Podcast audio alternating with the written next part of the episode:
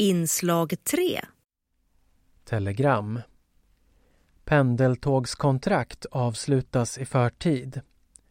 Det blir ett annat företag som ska sköta pendeltågstrafiken nästa år. Istället för MTR som ansvarar idag kommer SJ att köra pendeltågen i Stockholms län. Det meddelade Region Stockholm i förra veckan. Beskedet kommer efter en rad problem det senaste året. Bland annat har MTR inte kunnat uppfylla antalet tåg enligt tidtabell som efter det har dragits ner till 80 procent av turerna. Regionen och MTR har enats om att avsluta avtalet i förtid.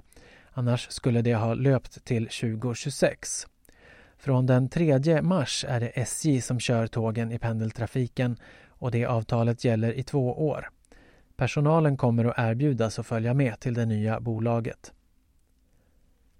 86-åring påkörd, sjuktransport kritiseras.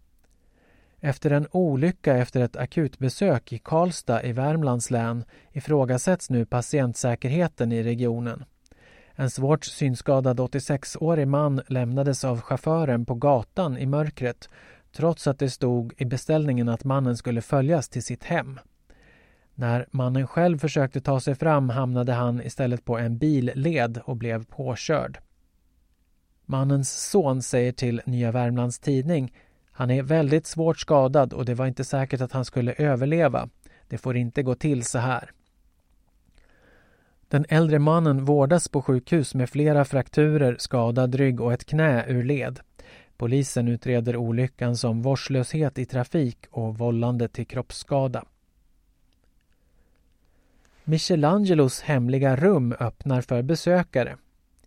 I Florens i Italien hittade man 1975 ett hemligt rum där den världsberömda freskmålaren Michelangelo under renässansen tog sin tillflykt en period av sitt liv.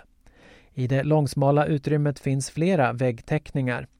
Nu har utrymmet som ligger under Medici-kapellet restaurerats och öppnat för besökare. Men bara fyra personer åt gången får komma in. En närmare titt på bilderna visar skisser av människor gjorda med teckningskol.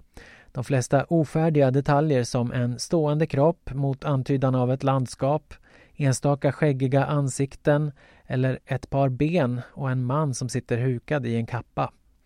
Man får absolut inte fotografera med blixt i utrymmet för att skydda målningarna, skriver tidningen The Florentine.